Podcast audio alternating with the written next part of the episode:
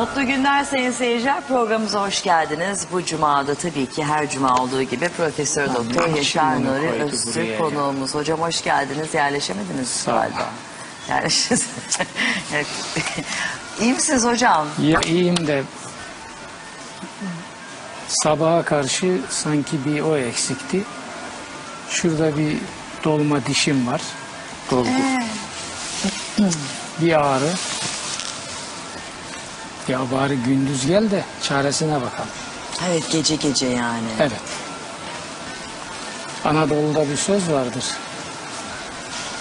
Bunca işin arasında bir de ırgat bir şey yapacağız diye. Şimdi bu da öyle. E, Çeneme sanki çekiçle vurmuş. Hala var. Eyvah çok da fenadır diş ağrısı. Bir dublörüm falan olsa gönderip Nerede hocam sizden yani? neyse Unique'siniz siz. onlar bunun mutluluğunu silemez. Çıktı işte. Hocam yine duygusal bir yazı yazmışsınız bana kitabı. Sabahya sevgilerle. 10 aydır her cuma beraberiz. İnsan bir iki cümle daha yazar ya. Seni anlatmaya demek ki kelimeleri yeterli bulmadığım için Ha. sabah o her şeyi ifade eder. Hocam siz var ya siz.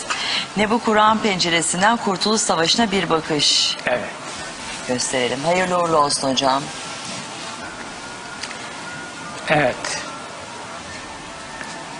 Şu okuyayım Yine da ilk defa gündem yapılmış bir konu. Hocam hangi arada yazıyorsunuz siz bunları? Bu bunun dosya bu dosyası açılalı bunun 10 yıldan fazla. Ancak bitirdiniz, tamamladınız, baskıya Yayını verdiniz. şimdi. Peki şey bu neydi bizim küresel afetler şeysi kapağı değişiyor O da mu? yeni kapakla basıldı. Basıldı mı? Onu da getirseydiniz keşke. Yeni Getiririz. kapağını gösterseydik izleyicilerimize. Getiririz ciltten çıksın. Sizin söylemek istediğiniz, okumak istediğiniz bir şey var mı? İstediğim şey. Kitapla, Aslında, kitapla aslında ilgili de hocam o kitabın içeriğiyle ilgili konuşalım isterseniz biraz. konuşalım tabii o, o da o da Ben hiçbir şeyi şu anda elime aldığım için O siz da, konuşun e, ben dinleyeyim. 80 yıl önce yazılması gereken bir kitaptı. Bu kadar gecikme. E maalesef maalesef toplum bunların acılarını yaşadı. Şimdi Nedir hocam 80 yıldır sorulmayan soru? evet. Soru şu. Cumhuriyet ve onun devrimleriyle özgün İslam arasında çelişme, çatışma var mıdır? Bu sorulmadı. İdare edildi. Ya idare edelim işte. Biraz devlet gücü kullanıldı. Karşı tarafta dedi ki ya dinimizden vazgeçemeyiz, devletten de vazgeçemeyiz. E Bir de tepemize şimdi binerler. İdare ediverelim. Ama bu içeride kaynadı. Ben dahil vatandaş şunu 80 yıldır merak etmiş ve cevabını aramıştır. Cevabını burada getirdik. Cumhuriyet aydınları neredeydiler? Vatandaş benim dinimle benim şeref ve bağımsızlığımı kurtaran kurtuluş mücadelesi kadrosu ve onun devrimleri arasında çelişme vardır ama eh görmeyi verelim. Hayır bunu yapamazsınız. Bir gün gördü. Çünkü din belirleyici güçtür, mühür fikirdir, merkezdir. Çelişme var mı yok mu buna cevap getirecektiniz. Ve çelişme yok. Niye idare ediyor ha- halının altına süpürüyorsunuz kardeşim? Çelişme yok. Bak Nasıl sıkıştırıyor çenelerim evet. Hocam şey ilaç mı ister misiniz? Hayır bir sedir yağı biraz koydum Koydunuz mu? Neyse şimdi karıştırmayalım. Ve bu çelişmenin olmadığını gösteren çok veri var elimizde. Seyit Bey gibi bir adamı bu ülke gördü, tanıdı, meclis. Cumhuriyet hükümetleri, Adliye Bakanlığı yaptı. Ve onun gibi daha 6-7 tane dirayetli, bu işi bilen insan var. Bunlar devreye sokulmadı. İdare edildi, idare edildi, idare edildi. Sonra bir tek partili şeflik dönemi. Orada zaten korkunç bir imansızlık furyası var. Onlar dediler ki biz ne diyorsak odur. Oturun yerinize. Atatürk bu din meselesinde biz ne diyorsak odur demedi Sabah Hanım. Bakın buraya başa koymuşum. Bunlar öyle rastgele seçilmiş şeyler değil. Diyor ki bu milletin şimdiye kadar Arapların, Acemlerin din maskeli ifalleriyle aldatılmış olduğunu ispat etmek isteyen bir adam. Misyonunu kendi tarif ediyor. 50 senedir Atatürkçü geçinen adamlar ne yapıyorlar? Mustafa Kemal'i dinsiz yapmak için uğraşıp duruyorlar. E, dinciler de zaten on- ona uğraşıyorlar. İkisi işbirliği yaptı.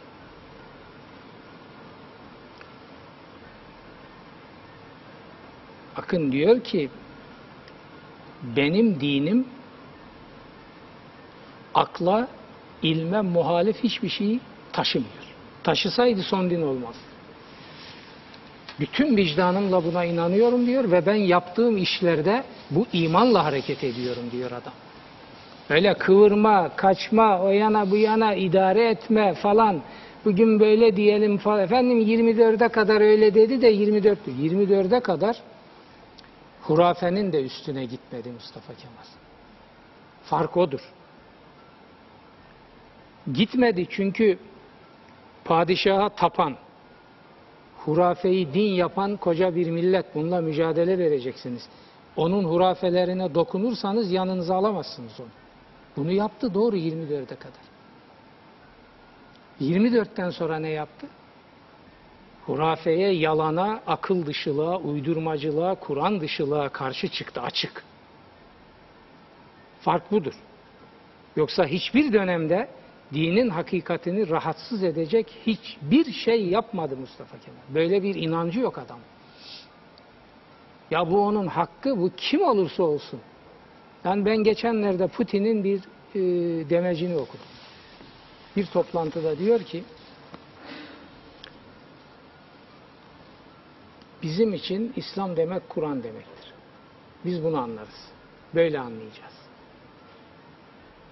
Kur'an dışında İslam üretenlere saygı duymuyoruz ve bunlara göz açtırmayız da diyor kendi ülkemizde de. Ya şuna bakın ya.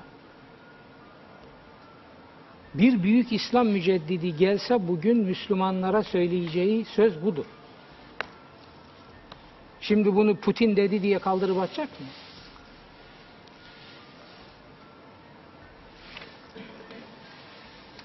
Şuraya getirmek istiyorum saklayarak bir yere gidemezsiniz. Şimdi ben 30 yıldan beri bir Kur'an mümini insan olarak ama bağımsızlığı, özgürlüğü, ülkemin geleceğini de dikkate alan bir vatanperver olarak bu soruyu sordum kendi vicdanımda. 30 yıldır Mustafa Kemal mirası ile Muhammedi miras arasında bir çelişmeye rastlayamadım ben. Hurafe ile çelişmeler vardır. Hurafeyi din yapanların bunu dinsizlik diye lanse etmeleri gayet tabii ki onların siyasetleri icabıdır. Bakın dün bana İsmail Müftüoğlu bir yazı gönderdi. Onu tekrar buradan sevgi ve saygıyla anıyorum. burada Mustafa Kemal enteresan bir şey söylüyor. Meclis konuşmasıdır. Hakimiyeti Milliye'de yayınlanmış. Dahiliye Vekaleti Matbuat Umum Müdürlüğü Başbakanlık Cumhuriyet Arşivinden alınmış bir belge.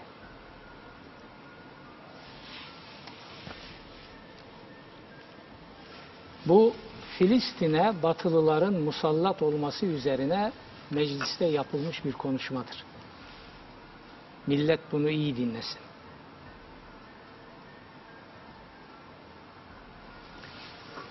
Arapların Avrupa siyasetine nüfuz edemeyip bu sözde istiklal kelimesine inandıkları ve bu uğurda Arap memleketlerini Avrupa emperyalizmine esir kıldıkları çok şayan teessüftür.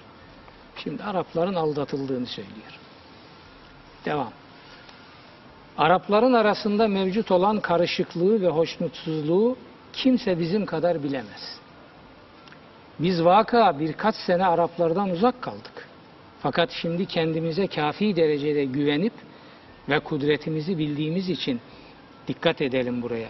İslamiyet'in mukaddes yerlerini Musevilerin ve Hristiyanların nüfuzunun altına girmesine mani olacağız. Bugün bağırıp duruyorlar. Filistin şey- buyurun. Sadre şifa bir iş yapacaksanız o işi yaptığınız zaman geldiğiniz yerin Mustafa Kemal olduğunu göreceksiniz. Burada da. Binaenaleyh şunu söylemek istiyoruz ki buraların Avrupa emperyalizminin oyun sahası olmasına müsaade etmeyeceğiz. Filistin ve civarı için diyorum. Bak şimdi burası önemli. Biz şimdiye kadar dinsiz ve İslamiyete lakayt olmakla itham edildik. Fakat bu ithamlara rağmen peygamberin son arzusunu yani mukaddes toprakların daima İslam hakimiyetinde kalmasını temin için hemen bugün kanımız dökmeye hazırız. Vicdanlara hitap ediyor. Belge. Cedlerimizin, bak burada enteresan bir tespit daha var. Selahaddin'in idaresi altında uğrunda Hristiyanlarla mücadele ettikleri topraklarda yabancı hakimiyet ve nüfuzunun tahtında bulunmasına müsaade etmeyeceğiz.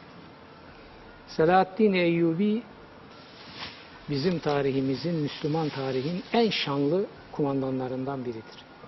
Ben dincilik kitabımda ona çok geniş bir yer ayırdım. Benim hayran olduğum muhteşem insanlardan biri. Dincilik burada. Şimdi Selahaddin Eyyubi cedlerimiz diyor. Bakın. Bir Kürt kumandan. Cedlerimiz diyor. Demek ki Mustafa Kemal'de bugünkü insanların anladığı manada bir ırk kavramı yok. Mustafa Kemal Türk dediği zaman da bir ırkı kastetmiyor. Bu kitapta Kurtuluş Bunlar Savaşı detaylı bir şekilde yazıyor mu? Hayır. Tekrar gösterelim hocam kitabınızı. Hayırlı tabii. olsun diyelim. Bilmez bir söz verin onunla sizi idama götüreyim. Türkiye soruyor. Evet hocam yayınımıza kaldığımız yerden devam ediyoruz. Sizin şey hocam ben diyorum ki şimdi birazcık şey e, ayetlerden devam edelim. Ondan sonra sizin e, kitabınızdan da konuşuruz. Sonra da soru cevaba geçeriz. Soru cevap için de zaten telefon numaralarımızı veriyoruz. Kitabı halkımıza ben kısaca anlattım. Bir de içeriğini, başlıklarını vereceğiz. Tabii ki. Yani bu Kurtuluş Savaşı ve Cumhuriyet devriminin bana göre eksik bırakılmış bir yanını tamamlayan çalışmalardan biridir. Maun suresi onun metafizik, manevi manifesto tarafını tamamlıyor. Bu da tarihi tarafını. 80 yıl önce yapılmalıydı. 80 yıllık bir gecikme var. Ama milletlerin tarihinde 80 yıl ebedilik demek değildir. Aşılır. İyi tarafından bakalım hiç de olmayabilirdi. En azından 80 yıl sonra oldu. Tabii. Yazık oldu. Bu birikim bu ülkede vardı. Bu birikimi birileri ya mahkum etti, ya boğdu, ya unutturdu veya gafletle işlemez hale getirdi. Allah'ın takdiri bugüneymiş ama buradan tekrar bütün vicdanımla söylüyorum. Kurtuluş Savaşı'nın Kur'ani boyutları burada yapıldığı gibi ilim ve fikir haysiyetiyle tahlil edildiği gibi tahlil edilmeden ve millet bunu idrak edip vicdan haline getirmeden bu ülkenin iflah etmesi mümkün değil. Değil. Emperyalizmin Türkiye'yi adı konmamış bir sömürgeye dönüştürmesinin arkasında bu vardır. Bunu kullanmıştır, bunu kullanmaktadır, bunu kullanacaktır. Bunu artık bu milletin bitirmesi lazım. Dev gibi bir millet, koca bir tarihin çocukları, koca bir imanın çocukları. Böyle şey olabilir mi? Şunu yapmamışlar bugüne kadar. Benim bağımsızlığımı sağlayan kadroyla, müdafaa hukuk kadrosuyla benim dinim arasında çelişme var mı yok mu kardeşim? Ben bunu öğrenmek istiyorum. Samimiyetle söylüyorum. Eğer böyle bir çelişme varsa ben dinimin tarafını tutarım. O benim ebedi hayatım demektir. İliklerine kadar vatanperver bir cumhuriyet çocuğuyum ben söylüyorum. Milyonlarca insan bunu söylüyor. Buna cevap getirmek lazım. Korkacak ne vardı? Zulmü tek düşman ilan eden bir Kur'an. Tamam mı? Özgürlüğü insanın onuru bilen bir din. Bedir Savaşı'nı İslam'ın kader savaşı bilen bir anlayış. Ana kodlar bunlar. Bu üç anlayışın aynısı müdafaa hukukta var. Mücadelelerinin metafizik zemini budur. Bizzat Mustafa Kemal'in açıklamalarıyla. Buraya anlamlı bir biçimde Mustafa Kemal altına Mehmet Akif, altına Diyaba, altına da Kara Fatma'yı koydum. Kapakta. Hepsinde bu idrak var. İşte Akif burada. O da Bedir Savaşı ile Kurtuluş Savaşı'nı örtüştürüyor. Mustafa Kemal. Derdiniz ne sizin bu varsa?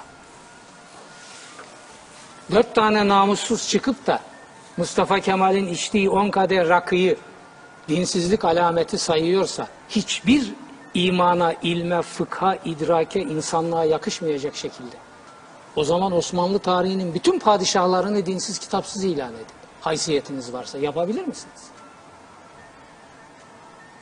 Yapabilir misiniz? Haklı olur mu bunu yaparsanız? Size ne ya? Şimdi Maun suresiyle ortaya koyduk ki namaz bin yıl boyunca bu ümmeti mahvetmek için bir araç olarak kullanılmıştır. Maun suresi bunu bize veriyor. Burada da aynı şey yapılmış. Bakın Kazım Karabekir'in bir sözü var. Buraya onu da koydum giriş sayfaya. Kuvayi Milliye'nin dinsiz olduğu yolunda propaganda İstiklal Harbi'ni tehdit eden en zehirli ve alçak propagandaydı. O gün bu propagandayı yapıyorlardı. Bugün de bunu yapıyorlar. Kotarıcısı o gün de Batı emperyalizmiydi. Bugün de Batı emperyalizmi. Maşaları ve piyonları o gün damat Ferit'ti. Bugün de yeni damat Ferit ekipleri. Tamam bunlar tamam ama millet bu dinle bu Kurtuluş Savaşı'nın bu müdafai hukuk zihniyetinin bir çatışma ve çelişmesi temelde var mı? Bu sorunun cevabını 80 yıldır bekliyor. Allah o cevabı bu milletin idrakine ulaştırmayı da bize nasip etti. Evet, bu kitapta Ne mutlu okunacak. size hocam. Amentü gibi okunacak. Başka bir çare yoktur. Kim ne derse desin Yaşar Nuri gene kendini övdü de bilmem. Ya ne dersen de bana hız gelir tırız gider. Burada burada gündem yaptığımız mesajlar eski tabirle mahsedilmeden, milletin vicdanı tarafından emilmeden kurtuluş yoktur.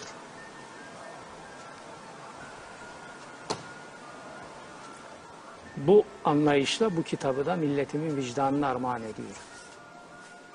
Benden bu kadar. Birisi yazmış burada.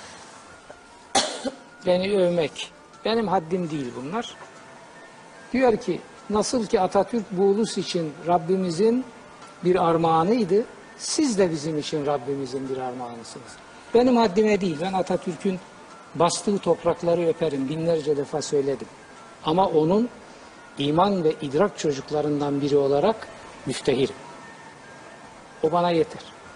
Ben işimi yapıyorum ilim ve fikir adamı olarak. Ama işimi güzel yapıyorum.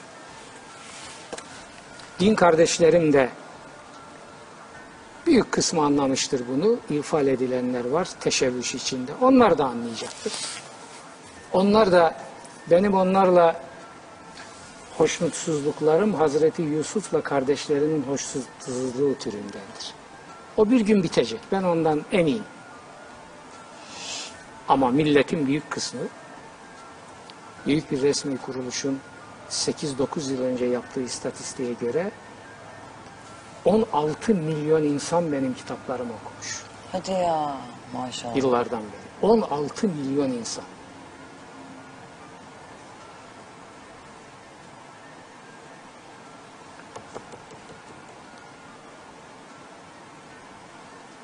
Bunlar tarihin beklediği ve tabii Tanrı'nın da beklediği çalışmalardı. Gecikmiştir. Tanrı'nın sitemine bu yüzden uğradık. Acı faturalar ödedik. Biz bu sitem dönemini de kapattık bu çalışmayla. Tabii arkası gelecek. Daha bu bir bütün. Bir fikir Bunu öyle mi devriminin görüyorsunuz parçaları. gerçekten hocam? Sistem olarak yani bu mu? Bununla mı tamamladınızı düşünüyorsunuz? Yani bu önemli bir kısmıdır. Daha bir iki çalışma var. Onlar da gelecek. Onlar ne zaman? Daha önce söylüyordunuz çünkü. Zamanı gelince. Bilemem. Hocam şeyde e, Necm suresinde Evet. kaldık. Oradan devam edelim istiyorsanız. Biraz da uzun bir sure. Başlayayım mı? Evet açtım. O kuruntudan keyfinden konuşmuyor. İndirilmiş bir vahiyden başkası değildir o. Kuvvetleri çok müthiş olan belletip öğretti onu ona. Şimdi bakın. Keyfinden konuşmuyor. Peygamberler aleyhisselam keyfinden konuşmaz. Vahyi konuşur. Vahiy de ilim ve aklı kendi bünyesinde taşır. Bizim şimdi o yazıyı getirmeyi unutmuşum. Kaan ne diye bir yazar arkadaş. Onu da selamlıyorum. Aydınlık gazetesinde uzun bir yazı yazmış. Başlığı da Yaşar Nuri Hoca'nın solakları salakları. İnce bir eleştiri var. Efendice, temiz, saygı duyuyorum. Ama çok güzel şeyler söylemiş. Uzun bir yazı. Ben gene kullanacağım. Solcular Yahu kardeşim akıl öne çıkarılıyorsa bir meselede sen dine inanmışsın inanmamışsın. Dini yaşamışsın yaşamamışsın. Sen bu aklı öne çıkaran mesaja nasıl sırtını dönüyorsun? Hani sen akılcıydın, aydındın, çağdaştın. Değil mi? Şimdi bir kitap var burada. Molla ve Softa bunu ölüler kitabına dönüştürdü diye bu kitaba tahan edemezsin haşa. Kitabı aç oku kardeşim. Tezlere bak. Düşmanları diyor ki atalar. Bu kitapta diyor ki hayır ilim ve akıl. Sen ne diyorsun solcu? İlim ve akıl, bilim, akıl. E o zaman senin Kur'an'la derdin ne? Ha ben camiye gitmiyorum.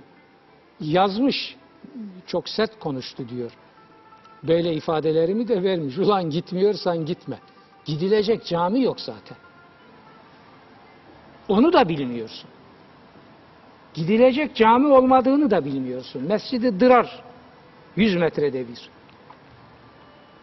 Onu da bilmiyorsun ama gitmiyorsan gitme. Bu, bu kitap sen camiye gitmiyorsun diye seni bir defa dinsiz filan da ilan etmez. Ama kendi ülkende bu mesajın bilinmesi, tanınması lazım. Sen aydınsan buna katkı vermelisin. Ha ben onu görmem.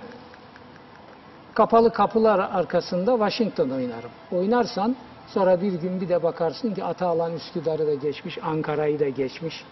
Uuu Washington'a kadar uzanmış. Ayağını da ensene basmış. Ondan sonra ciyak ciyak bağırıyorsun. Ne bağırıyorsun? Ne yaptın? Kur'an'a posta koymayı başarı mı zannediyordunuz? Buyurun. Dinciler de Kur'an'a posta koyuyorlar. Kur'an'a rağmen din yapıyorlar. Bunlar zaten temelinden karşı. Ben buradan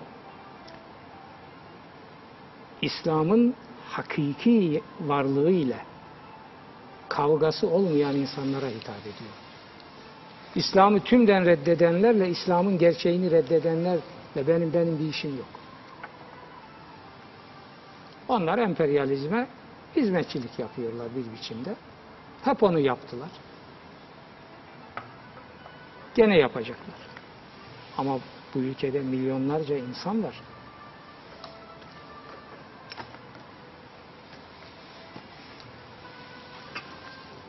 Akla da sahip çıkacağız, Kur'an'a da sahip çıkacağız diyen milyonlar var.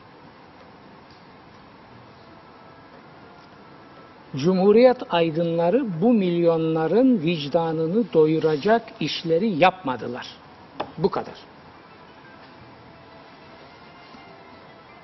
Neyi yapmadılar? Şunu yapmadılar. Kur'an penceresinden Kurtuluş Savaşı'na bir bakış. Şimdi bak bak bak ada bak. Ya ben bunların birçoğunu tanıdım, birçoğuyla ortak mesaim oldu. Bu tabiri kullandığınız zaman üstünüze yürürler siz. Ne demek Kur'an penceresinden? Ben Kur'an açı verilerine göre laiklik meselesini incelemişim. Ya ben felsefe profesörü bir adamım, hukukçuyum, ilahiyatçıyım. Bu sıfatlarımla bir tahlil yapıyorum. Ya Allah'ın lütfu bilsene bunu. Yani hocam biz şimdi laikliği Kur'an'la mı izah edeceğiz? Yok yok. Sen kafana göre izah et. Ettin. Geldiğin yeri gördün mü?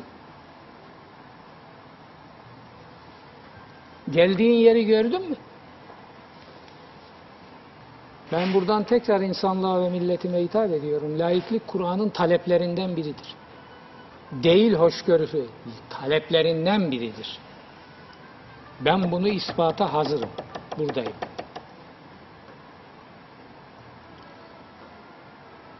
Ya tamam ama biz bunları bilmeyiz. O zaman karşı çıkma. Bırak bilenler yapsın. Ben laiklik kitabını yazıyorum. Meclis koridorlarında benim içinde olduğum partinin elemanları konuşuyor.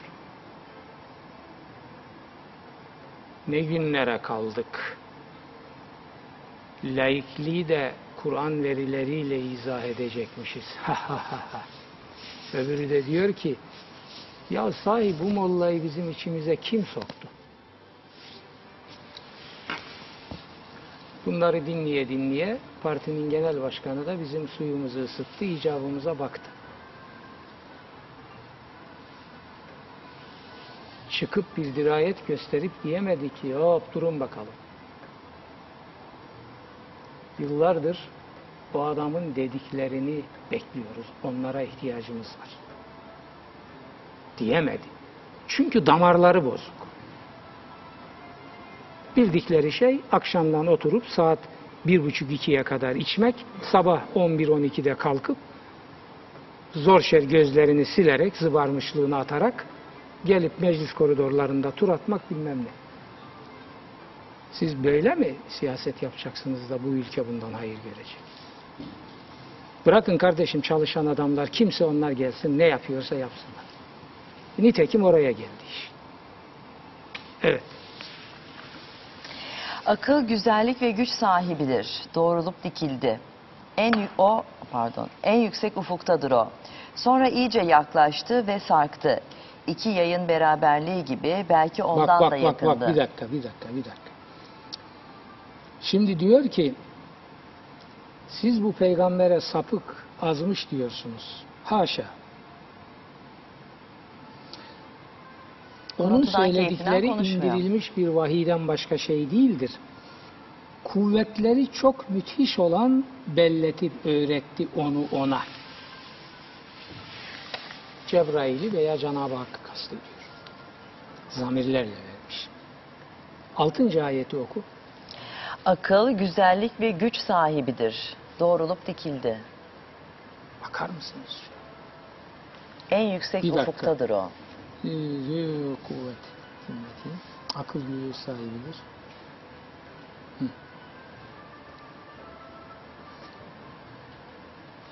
Öyle bir kelime kullanmış ki akıl, güzellik ve gücü aynı anda ifade ediyor. Doğrulup dikildi. Şimdi Cebrail'in vahyi getirirken sergilediği tavırlara da biraz dikkat çekiyor. Evet. En yüksek ufuktadır o. gelir. Hatta Hazreti Peygamber'in ifadesiyle bazen kanatlarını öyle açar ki ufukta. Hani vahyin gelişi. Sonra iyice yaklaştı ve sarktı. Evet. İki yayın beraberliği gibi belki ondan da yakındı. iyice yaklaştı. Bunu Allah ile peygamberin yakınlığı gibi haşa. Buna Kur'an izin vermez. Hiçbir beşer Allah'a bedeniyle bu şekilde yaklaşamaz. Bunu Kur'an asla kabul etmez. Onun için geleneksel kitaplardaki miracın bu ayetleri istismar ettiği kanaatindeyim. O mitolojiye bu ayetleri alet ediyorlar. Bu ayetlerin onunla hiçbir ilgisi yoktur. Evet. Böylece vahyetti kuluna vahyettiğini. Kalp evet, yalanlamadı Cebrail, Cebrail gördüğünü. bahsediyor. Geldi ve kuluna vahyettiğini vahyetti. Evet. Kalp yalanlamadı gördüğünü. Orada niye kalbe şey yapıyor? Hocam. Şimdi görüyor bir şeyi. Ama vicdanın da tatmin olması lazım. Kalbi de mutmain oluyor. Yani bir şeyi görürsünüz Kalpten fakat hissetmeyi. içiniz içiniz ona "Mm, mm, hayır öyle değil diyor. Kalbi de ona onay verdi ısındı. Onun gördüğü şey hakkında kuşkuya düşüp onunla çekişiyor musunuz? Yemin olsun ki onu bir başka inişte de görmüştü. Cebrail'i. Son sınır ağacı Sidretül Münteha yanında. Hmm. O ağacın yanındadır sığınılacak bahçe. Yani Cebrail'i ruhani seyahatlerinde Sidretül Münteha'da da Hazreti Peygamber görmüş. Evet. O ağacın yanındadır sığınılacak bahçe ne demek hocam? Bilemiyor, bilemeyiz. Demek ki orada o atmosferin şartlarına, ihtişamına uygun bir bahçe de var. Evet. O vakit kuşatıp sarıyordu sidreyi kuşatıp saran. Göz ne kayıp şaştı ne azıp haddi aştı. Yemin olsun ki Rabbinin en büyük ayetlerinden bir kısmını gördü. Evet. Demek ki Cenab-ı Peygamber orada sadece Cebrail'i değil daha birçok ilahi ayeti de müşahede etti. Hem yer kürede hem semavi alemde bunları gördü. Şimdi bunları gördüğü Hristiyan Yahudi mitolojisinden bir at getirerek Burak peygamberi onun üstüne bindirip turistik seyahat yaptırarak gösteriyorlar. Hayır. Bir peygamber ruhu itibariyle 24 saat mükevvenatı seyreder. Gezer. O peygamberliğinin icaplarından biridir. Onu hayatında bir defa oldu. Yok öyle bir şey ya. Her gün her gün o hal içindedir Hazreti Peygamber. Evet.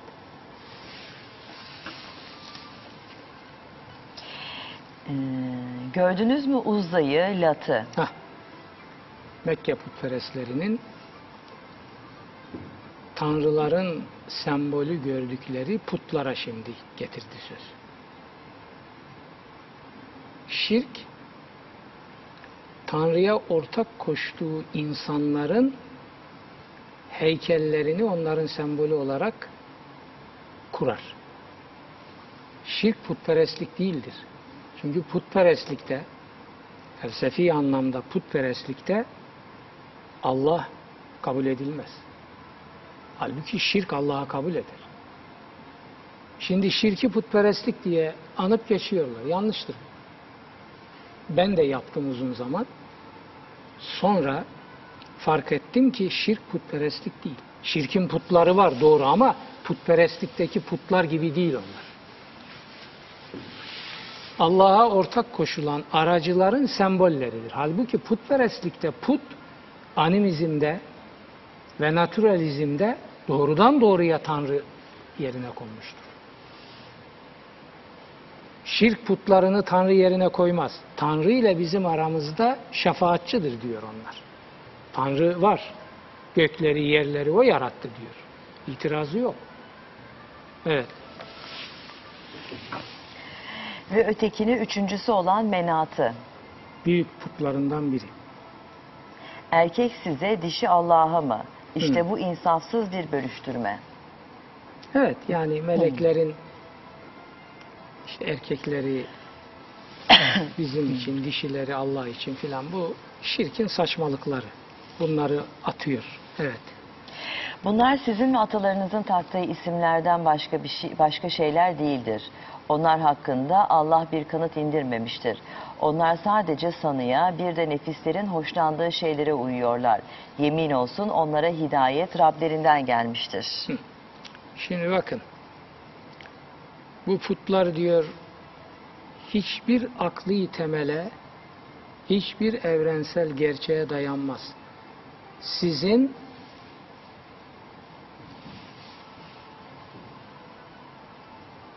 boş arzularınızın, akıl dışı saplantılarınızın uydurduğu isimlerden ibarettir. Evet. İnsan için her özleyip hayal ettiği var mı acaba? Sonrası da Ha. öncesi de Ha. ahirette, dünyada Allah'ındır. Emril insani ma temenna. Var mı insan için bütün arzu edip özlediği her şey? Yok böyle bir şey.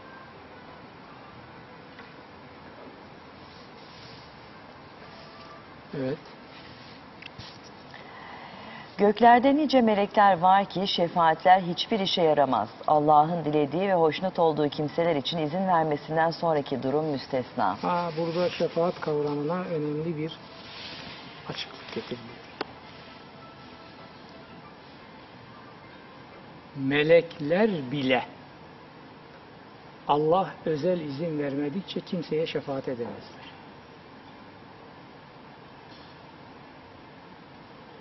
Şimdi adam diyor ki sen bizim tarikata gir Efendi Hazretlerinin şefaatine nail olursun. Kurtulursun diyor. Gemiyi sağlama al. Devam ediyor. Efendi Hazretleri diyor mahşer meydanında çıkıp dolaşacak. Bakar mısın? Orada bizden olanları tek tek eliyle çıkaracak ortaya. Allah da onu görecek. Ha bunlar senin mensupların mı? Doğru cennete. Lan böyle bir dinsizlik, böyle bir şirk, böyle bir putperestlik olabilir. Şuna bakar mısınız? Adam gidecek de orada. Dönün öbür tarafa Hazreti Peygamber ölümüne yakın günlerde kızı Fatıma'yı en çok sevdiği insan çağırıyor. Diyor ki bak seni uyarıyorum. Sakın babam peygamberdir diye sırt üstü yapma. İnsanlık görevlerini yerine getir, Allah'ın istediklerini yerine getir, yoksa sizi kurtaramam diyor. Şimdi bunu peygamber söylüyor. Kenar mahalle zırtabozu, şeyh lakaplı putperest ne diyor? Ben meydanda dolaşacağım, mahşer meydanında adamlarımı seçeceğim, Allah da onları görüp doğru cennete gönderecek. Nah gider de görürsün. Sen işte böyle cennete götüreceğim diye diye bu ümmeti şirk kodamanlarının önünde uşak yaptı. Bil edilmez bir söz verin onunla sizi idama götüreyim. Türkiye 24'te, Aa, hayır. 25. 26'da kaldık hocam. Göklerde nice melekler var ki şefaat... Yani insan için her istediği yok. Sonrası da, öncesi de, ahiret de, dünya da Allah'ındır. Okudum onu. Göklerde nice melekler var ki şefaatler hiçbir işe yaramaz. Allah'ın dilediği ve hoşnut olduğu kimseler için izin vermesinden sonraki durum müstesna. Evet. Ama Cenab-ı Hak Kur'an'da ne peygamberlerden ne meleklerden ötekileri zaten saymaya gerek yok. Hiçbirinin ismine atıf yaparak o şefaat edecek Dememiştir. dememiş. Ben izin verirsem diyor, şefaat benim elimde. Kime verecek? Verecek mi? Vermeyecek mi? Bilmiyoruz ki bunları. Şimdi adam orada tezgah kurmuş. Kot pantolon satar gibi şefaat satıyor. Hayasız adama bak ya. Tabii kendine pay çıkarmak için hazırlık yapıyor. Bunlar şeytana taş çıkartacak kadar kurnaz o bakımda. Önce peygamberi sokuyor devreye. Peygamberin şefaati. Şimdi bak siz ibadet ediyorsunuz. Nasıl koymuş düzeni? İbadet hem Allah için hem peygamber için. Allah için yapacaksınız. Peygamber için de yapacaksınız. O size şefaat edecek. Ya bu Kur'an'ın dininin neresinde ibadet böyle bölüştürülmüş? Siz namaz kılın, Allah size şunu verecek, peygamber de onun için şefaat edecek. Bakın bölüştürmüş. Namazın farzları, sünnetleri. Ya sünnet bir şeyin icra şeklidir. Sünnet diye müstakil bir, kategorik bir ibadet falan böyle bir şey yok bir şeyi peygamberin yaptığı gibi yapmaktır. Yöntemdir sünnet. Farzlar Allah için kılınır. Sünnetler peygamber için. Haşa. Şirkin taksim mantığıdır bu. Şunlar Allah için, şunlar da putlarımız için diyor. Kur'an bunu eleştiriyor. Şimdi dini bu hale getirmişler. İslam şemsiyesi altında şirk. Rabbine ibadete herhangi bir kişiyi ortak etme diyor. Ve la yüşrik bi ibadeti rabbihi ahada. Herhangi bir kişi. Kimse kim? O namazlarda işte peygamberimizin e, dedelerine, İbrahim'e, ceddine bilmem. Bunların hepsi sonradan sokuldu namazın içine. Hazreti Peygamber'in kıldığı namazda böyle şeyler yok. O putperest şuur altı depreşti, dini paylaştırdı. Allah'a, peygambere ortak. Bir defa orayı oturttu mu yerine? Tamam. Ondan sonra tarikat şeyhlerine taksim ayırma zamanı geldi. Böyle git geldi bugünlere geldi işte. Şimdi din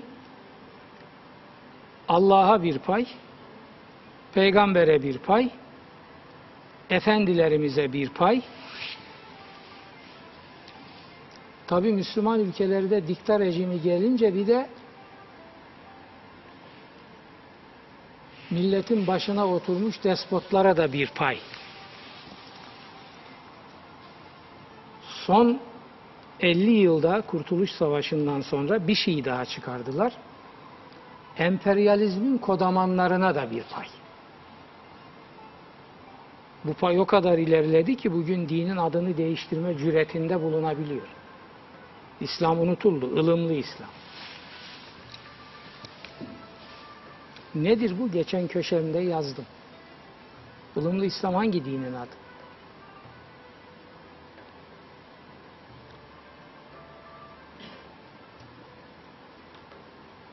Şimdi bu paylaştırıldı. Tam bir şirk. Mekke şirkini sollamış bir şirk bu. Allah'a pay, peygambere pay, tarikat şeyhlerine pay,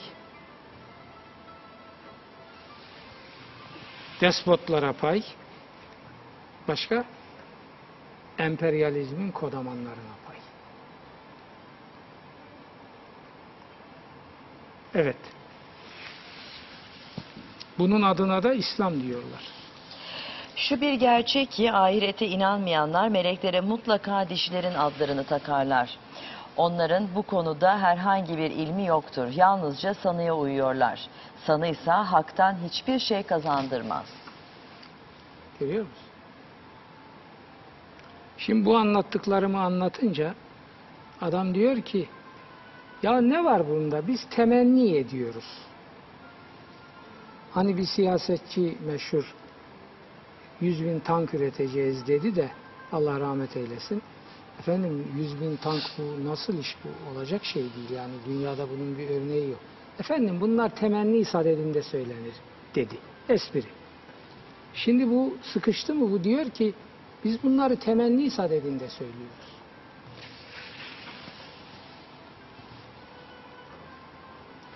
Senin temennilerin tevhidin altına dinamit yerleştirmenin gerekçesi olur mu?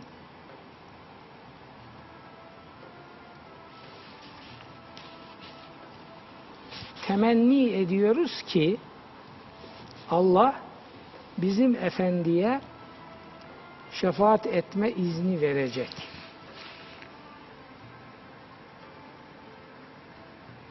Dünyada ibadetleri günlük, haftalık, aylık, yıllık günahları temizleyen mekanizmalara dönüştürmek yetmiyor gibi geride bir şeyler kalmışsa onu da efendinin şefaati temizleyecek diye bir de ahirete ambargo koyuyor. E yani Mekke müşrikleri bunun önünde şapka çıkarırlar. Onlar bu kadar ileri gitmedi. Devam ediyorum hocam. Evet. Bizim zikrimizden, Kur'an'ımızdan yüz çeviren ve iğreti dünya hayatından başka bir şey istemeyen kimseden sen de yüz çevir.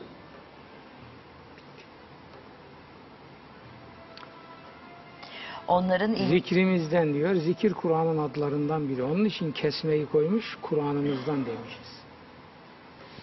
Evet. onların ilimden ulaşacakları şey işte budur. Kuşkusuz yoluna sapmış olan Rabbin çok iyi bilir. Yoluna sapmış olan, yolundan sap, pardon hocam.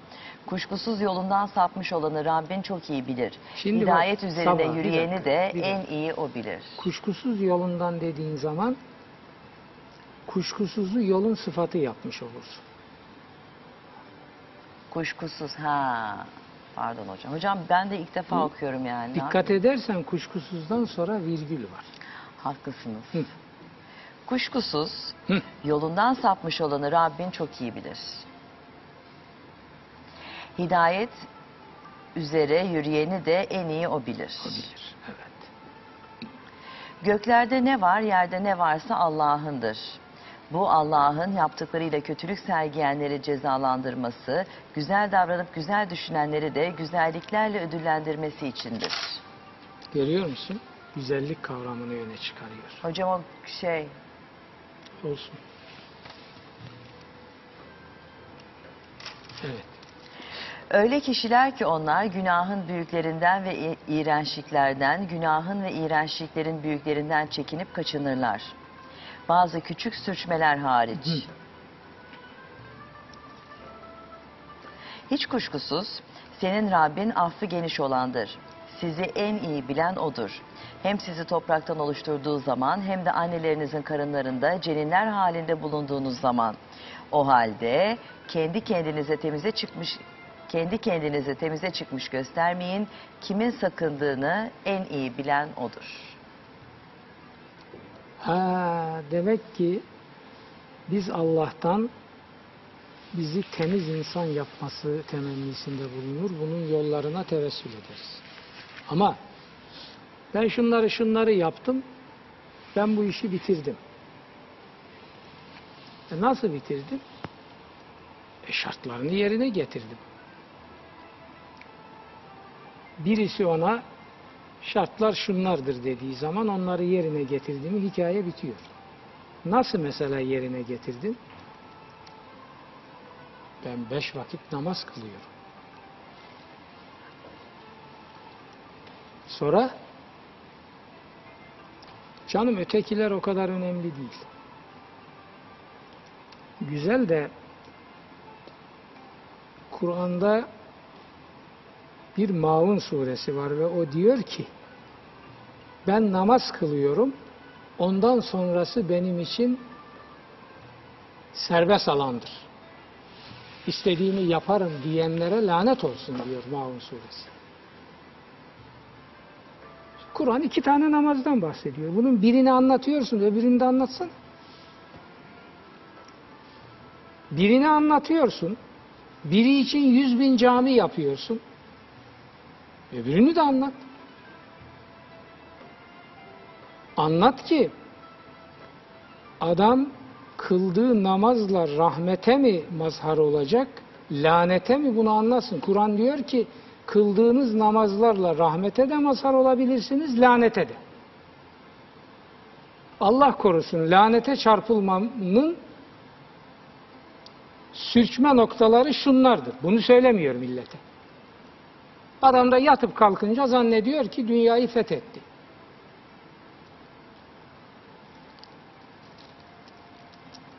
Evet. Nerede kaldın? O yüz geri döneni gördün mü? O yüz geri döneni gördün mü? Hayır. O yüz geri döneni gördün mü? Ha pardon. O yüz geri döneni gördün mü? Azıcık verdi sonra inatla sıkıca tuttu. Hı.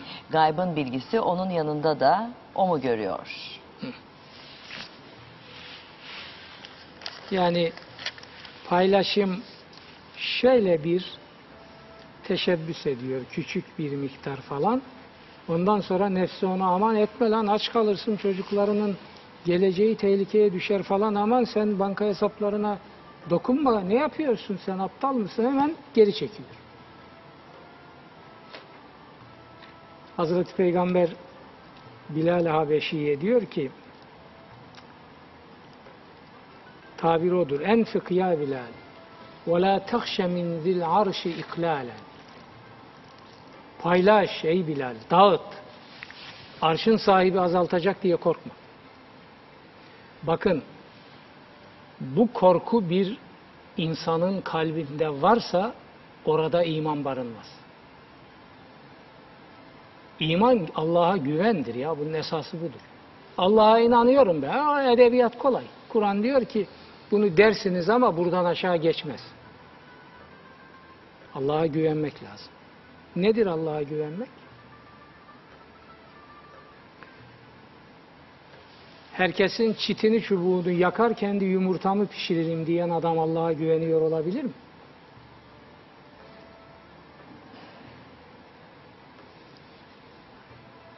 Oturuyor adam,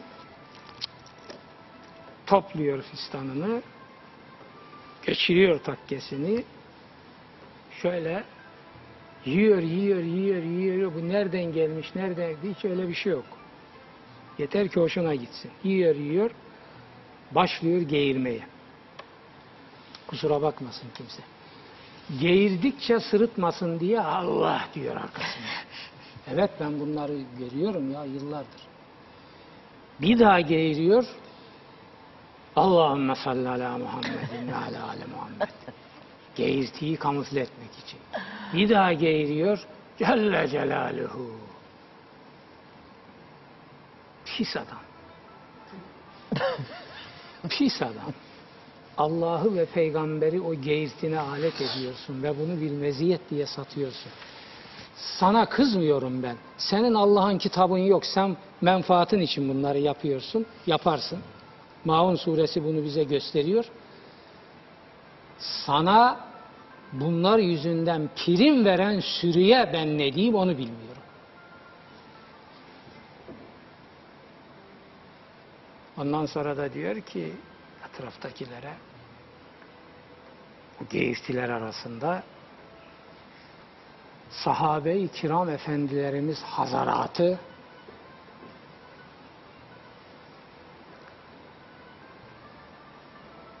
açlıktan zaman zaman karınlarına taş bağlarlardı bir de ağlıyor. Ağlamak bunların tabii. Bunlar bunların dümbüllü mümbüllü yanında vız gelir tırız gider ya. Ne yapıyorlardı hocam? Yani şeytan bunları gördükçe Allah'a sitem ediyor. Ya bunlar vardı da beni niye yarattın? diyor. Ben bunların yanında bir işe yaramam. Hocam nasıl ağlıyorlardı? Aynen. Yüzlerce örneğine tanık oldum. Yiyor, yiyor, yiyor, yiyor, yiyor, yiyor. Ondan sonra geğirerek Allah diyor. Arkasından da garnitürleri sıralıyor. Sahabe-i kiram efendilerimiz açlıktan karınlarına taş bağlarlardı. Ulan bir defa da sen taş bağlasana edepsiz hayasız. Bir de senin taş bağladığını görelim. Sonra da diyor ki utanmadan haya etmeden Allah dilediğini fakir, dilediğini zengin yapar. O zaman sosyal devlete, paylaşıma, emeğe saygıya falan böyle bir şeye gerek yok. Allah dilediğini zengin dilediğini fakir yapıyor değilse sahabe-i kiramı cezalandırdı mı edepsiz adam. Yoksulluktan, açlıktan karınlarına taş bağlarlardı diyorsun. E sen yiyorsun ağzından dökülüyor.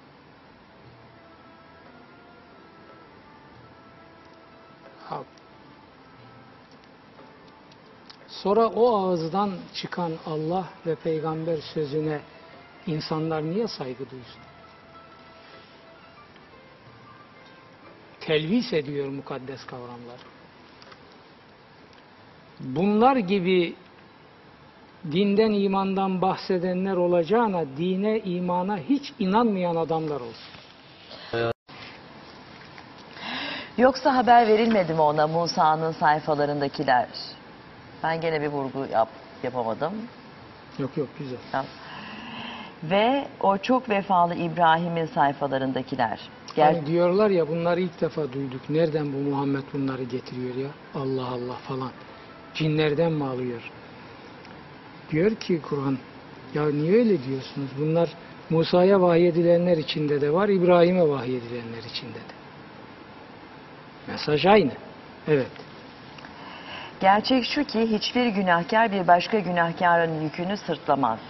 Gerçek şu ki insan için çalışıp didindiğinden başkası yoktur. İki, onun iki çalış- hayati ilkeyi verdi. Hiç kimse bir başkasının günahından sorumlu tutulmaz. Şahsilik ilkesi günahta. Onun için Hazreti Adem'in günahı da bize intikal etmemiştir Hristiyanlıktakinin tersine. Ve insan için çalışıp didindiğinden başkası yoktur. ve onun çalışıp didinmesi yakında görülecektir. Göklerin fethi, yerlerin, suların neyle oldu? Çalışmakla. Efendi Hazretleri der, her şey biter. İslam dünyasının bugün insanlığın sahip olduğu teknolojik değerlerin içinde bir tane payı var mı? Yok. Ne oldu sizin bin yıllık keramet edebiyatınız? Ne oldu? Evet. Demek ki gerçek keramet bilimmiş, fenmiş. Gerisi hezeyan. Sonra karşılığı kendisine hiç eksiksiz verilecektir. Çalışan karşılığını alır.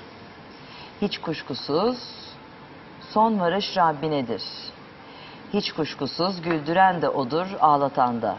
Hiç kuşkusuz öldüren de odur, dirilten de. Hiç kuşkusuz iki çifti, erkeği ve dişiyi yaratan odur. Nasıl yaratıyormuş? Devam et. Meni haline atıldığı zaman, Halinde. Pardon, meni halinde atıldığı zaman bir spermden. O. Hiç kuşkusuz o ikinci oluşum da onun işidir. Ne demek bu hocam? İkinci oluşum? Yani ölümden sonraki dirilme. Hiç reenkarnasyon mu Olabilir. yani? O ona da açık. Evet. Hiç kuşkusuz zenginlik veren de odur, nimete boğan da. Hiç kuş... Tabii yukarıda temel kıstası verdi. Çalışacaksın. Ama çalışıyorsun ama yaratan o. Çalışıyorum, bunu üretiyorum. Neyle üretiyorum? Cenab-ı Hakk'ın yarattığı tabiattaki değerlerle üretiyorum. Yaratan o.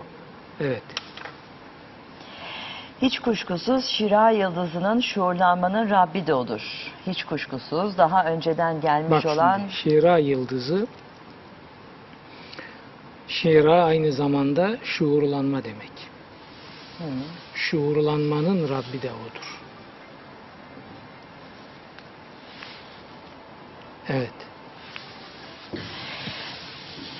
hiç kuşkusuz daha önceden gelmiş olan adı helak etti. O bir daha oku. Hiç kuşkusuz daha önceden gelmiş olan adı helak etti. Adı. Şapka var orada. Adı.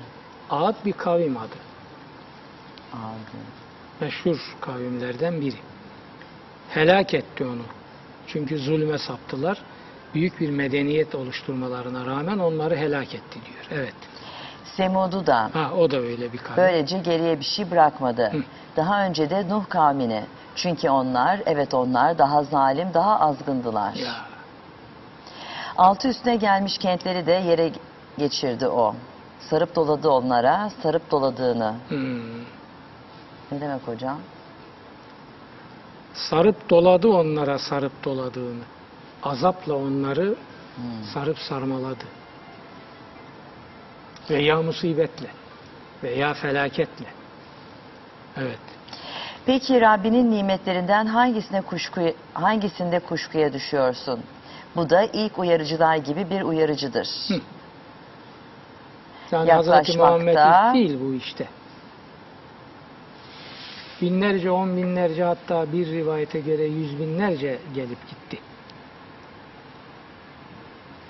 Evet. Yaklaşmakta, yaklaşacak olan yaklaştı. Onun Allah'tan başka kaldıracak, uzaklaştıracak yok. Onu Allah'tan başka kaldıracak, uzaklaştıracak yok. Şimdi siz bu sözden mi hayrete düşüyorsunuz? Gülüyorsunuz, ağlamıyorsunuz. Ve Evet. siz kibirlenip kafa tutarak sersemce somurtuyorsunuz. Evet. Yani Artık Allah için secdeye kapanın, ibadet edin, iş yapıp değer üretin. evet. Hocam açıklayın bu son ayetleri de bize. Böylelikle Necm suresinde bitirmiş olduk çok şükür. İş yapıp değer üretin. Fescudu lillahi ve'buduh diyor. İbadet ibadet kavramını iyi anlamamız lazım. İbadet İbranice'den gelen bir kelimedir. Kur'an'ın İbranice'den kullandığı kelimelerden biridir. İbadet İbranice'de aboda kökünden geliyor. Aboda iş yapmak, değer üretmek demektir. Kur'an öyle bir kelime kullanmış ki hem geleneksel olarak bildiğimiz ritüelleri, ibadetleri veriyor hem de iş yapıp değer üretmeyi. Şimdi bakın bu anlatılmadığı içindir ki akşama kadar caminin karşısındaki kahvede oturup onun bunun gıybetini edip ezan okununca da ben hemen ezan okurur okurmaz camiye koşuyorum. Ulan koşuyorsun yapacağın başka bir iş yok. O orada orada miskinliğini tatmin ediyorsun.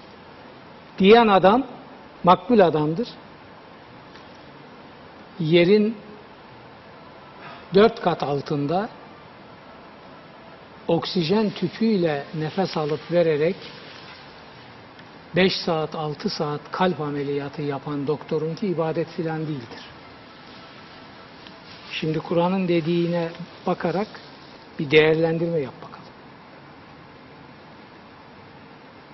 Batırıyor gölgede. Sonra da diyor ki kasılıyor. Bakın bir hezeyanı daha hadis diye yutturdular millete. Lafa bakın şimdi. Minareyi çalan kılıfını hazırlar. Haşa töbe. Diyor ki bu hadismiş. Bir namazı kılıp hemen arkadan öbür namazı beklemeye geçen adam Bir namazı kalıp ne? bir namazı kılıyor, hemen öbürünü kılmaya hazırlanıyor, ona onu beklemeye başlıyor. Yani başka bir şey yapmıyor adam. Bu cennet bahçelerinden istediği bahçeye oturacak. Şimdi böyle bir din hayatı, böyle bir ibadet hayatı kurguladılar. Kim yaptı bunu?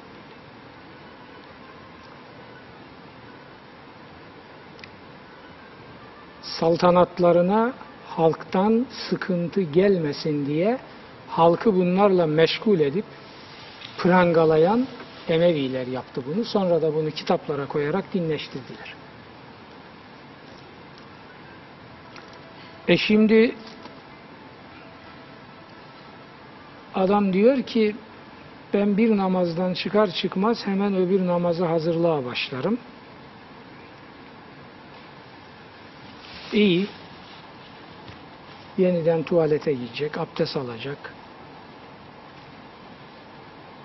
İşte kendine göre daha bir yığın hurafe hazırlıklar da olabilir. Peki öbür işleri kim yapacak?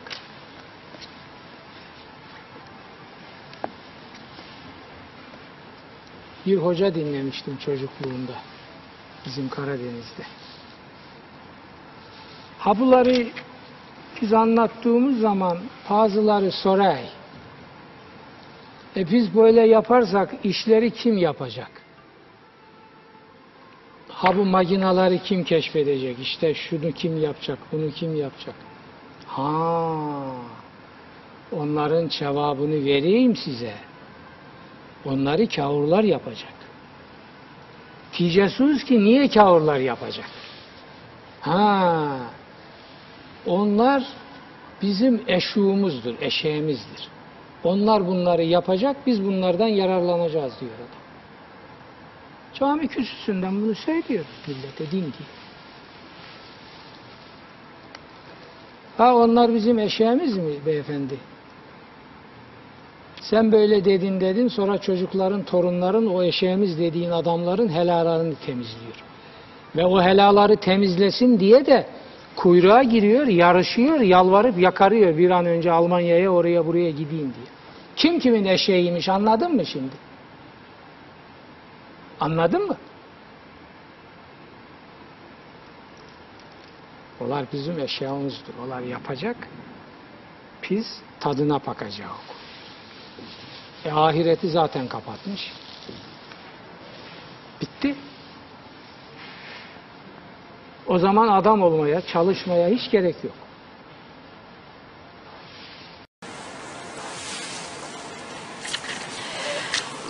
Hocam şimdi eee, ne yapalım? Yeni bir sureye Kitaptan girmeyelim. yeni bir soruya girmeyelim mi? Haftaya Sorular gireriz. var mı? Yoksa şu Sorular- kitabın muhtevasına Biraz, biraz... kit, biraz kitaptan bahsedelim istiyorsanız. Tekrar ben izleyicilerimize Ben bahsedelim derken kitabınızı. bu Kurtuluş Savaşı'na Kur'an Hocamızın yeni penceresinden kitabı. Kur'an evet. Penceresinden Kurtuluş Savaşı'na bir bakış diye. Daha bugün mü çıktı hocam? Evet, bugün bugün, Bugün kitaplarda yerini aldı. bana söylenen budur. Tamam. Ee, şimdi birazcık öyle bir konu başlıklarına Şimdi bakın bu kitap içine giremeyeceğiz de şöyle bir dört bölümden oluşan bir kitap. Birinci bölümde konunun genel çerçevesi anlatılmış. Bunun alt başlıklarını verelim bu bölümün. 80 yıldır sorulmayan soru konuştuk. Ha, onları mı okuyalım? Hayır okumuyoruz. Cevabı emperyalizme verdirmemeliydik. Bu soru sorulmadı. Bu soruyu emperyalizm sordu ve cevabını da kendi hesabına göre verdi. İşte Türkiye'de dinciliğin saltanatı buradan kaynaklanıyor. İlk günden başlayan yanlışlar. Benim Cumhuriyet aydınlarına ve icraatına eleştirilerim. Burada. Aymazlıklar var. Aymazlıkların tahribatı. İmansızlığın tahribatı. Şeflik dönemi, tek parti dönemi. Ahmakların muzaffer kıldığı hıyanetler. Emperyalizme bu ülkede hizmetçilik eden özellikle dinci ekipler sanılmasın ki kendi zekalarının eseri olarak başarılı oluyorlar. Hayır asla. Karşısındaki adamların, rakip geçinen adamların ahmaklıklarıyla başarılı oluyorlar.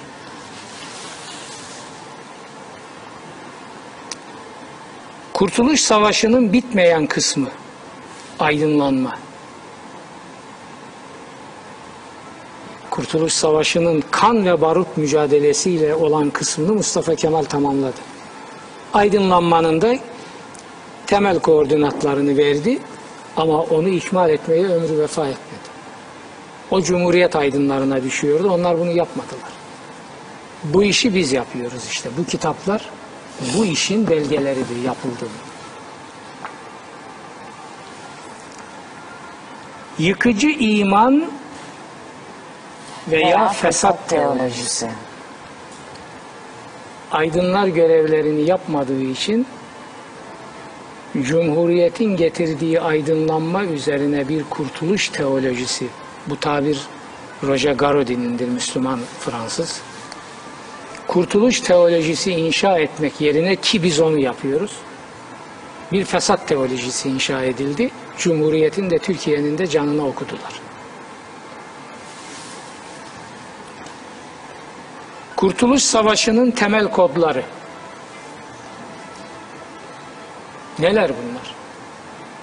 Zaten edebiyat, edebiyat, edebiyat. Orada onu yaptı, burada da vurdu, kırdı, şu kadar öldü. Ya şunun bir felsefesini ver bakalım bunu. Gerçi bu konu işlenmemiş bir konu değil. Kimsenin hakkında yemeyelim. Müdafaa-i hukuk başbuğunun özgün İslam tutkusu. Müdafaa-i hukuk başbuğu tabirini ben Atatürk için kullanıyorum. Onun ana sütü gibi hakkıdır. Özgün İslam tutkusu. Atatürk'ün din meselesindeki sevdası özgün İslam sevdasıdır. Hurafeye yenik düşmüş dini Allah can verdi demeden darbelemiştir. E vallahi Allah'ın istediği de budur zaten.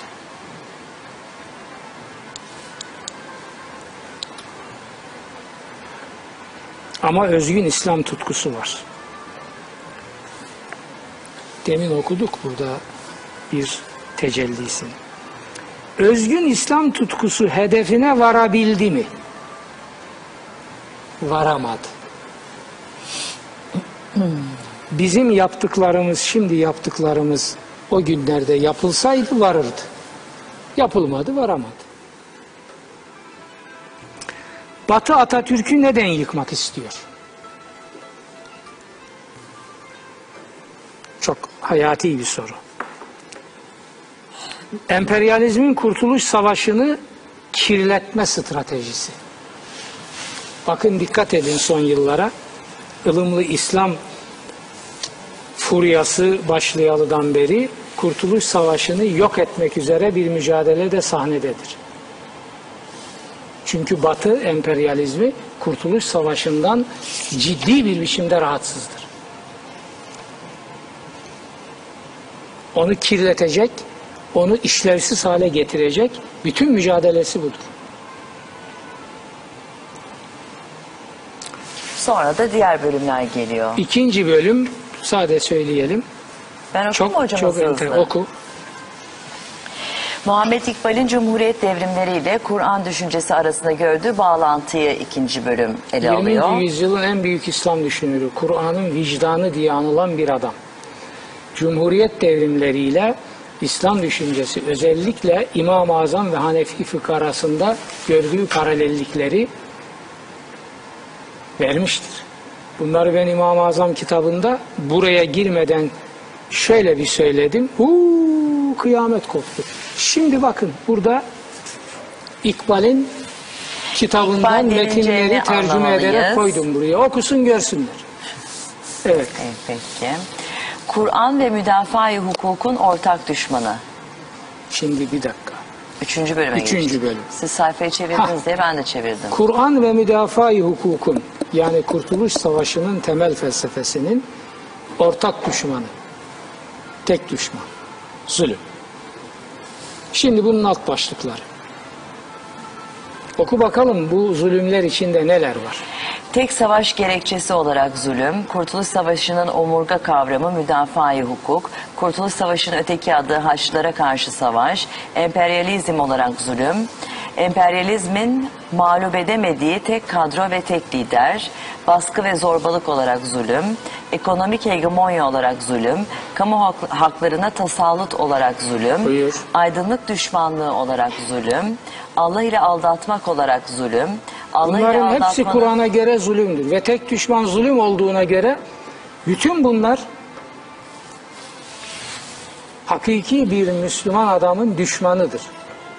Müdafaa-i hukuk da bunları düşman bilmiştir. Evet. Ne dedim en son? Ha. Allah ile aldatmanın yolunu kesen lider Atatürk, Allah'a iftira olarak zulüm, Evet, peygambere iftira olarak göre, zulüm, evet. şirk sapıklığı olarak zulüm, milli mücadele günlerinin temel putları, müdaf müdafaa hukukun düşmanı karakterler, Burada- hıyanet olarak Evet. Evet. Peki. Hıyanet olarak zulüm, hidayetin müdafaa hukuka yönelttiği ithamlar, Hop hop bir daha oku. Hidayet olur mu ya? Haşa. Hıyanetin, ay pardon hocam ya. Özür dilerim. Hıyanetin müdafaa hukuka yönelttiği ithamlar. Bakın şimdi o gün müdafaa-i hukuka milli mücadeleyi veren kadrolara yöneltilen ithamları burada sıralıyoruz. O ithamlar bugün de Cumhuriyeti kuranlara yöneltilen ithamlardır. O gün bu ithamları kimler yöneltiyorsa bugün de onlar torunları yöneltiyor. Bunlar değerlendirilmiş ve gerekli sonuçlar çıkarılmıştır. Tamam Görecek. hocam bir 60 saniye ara verelim.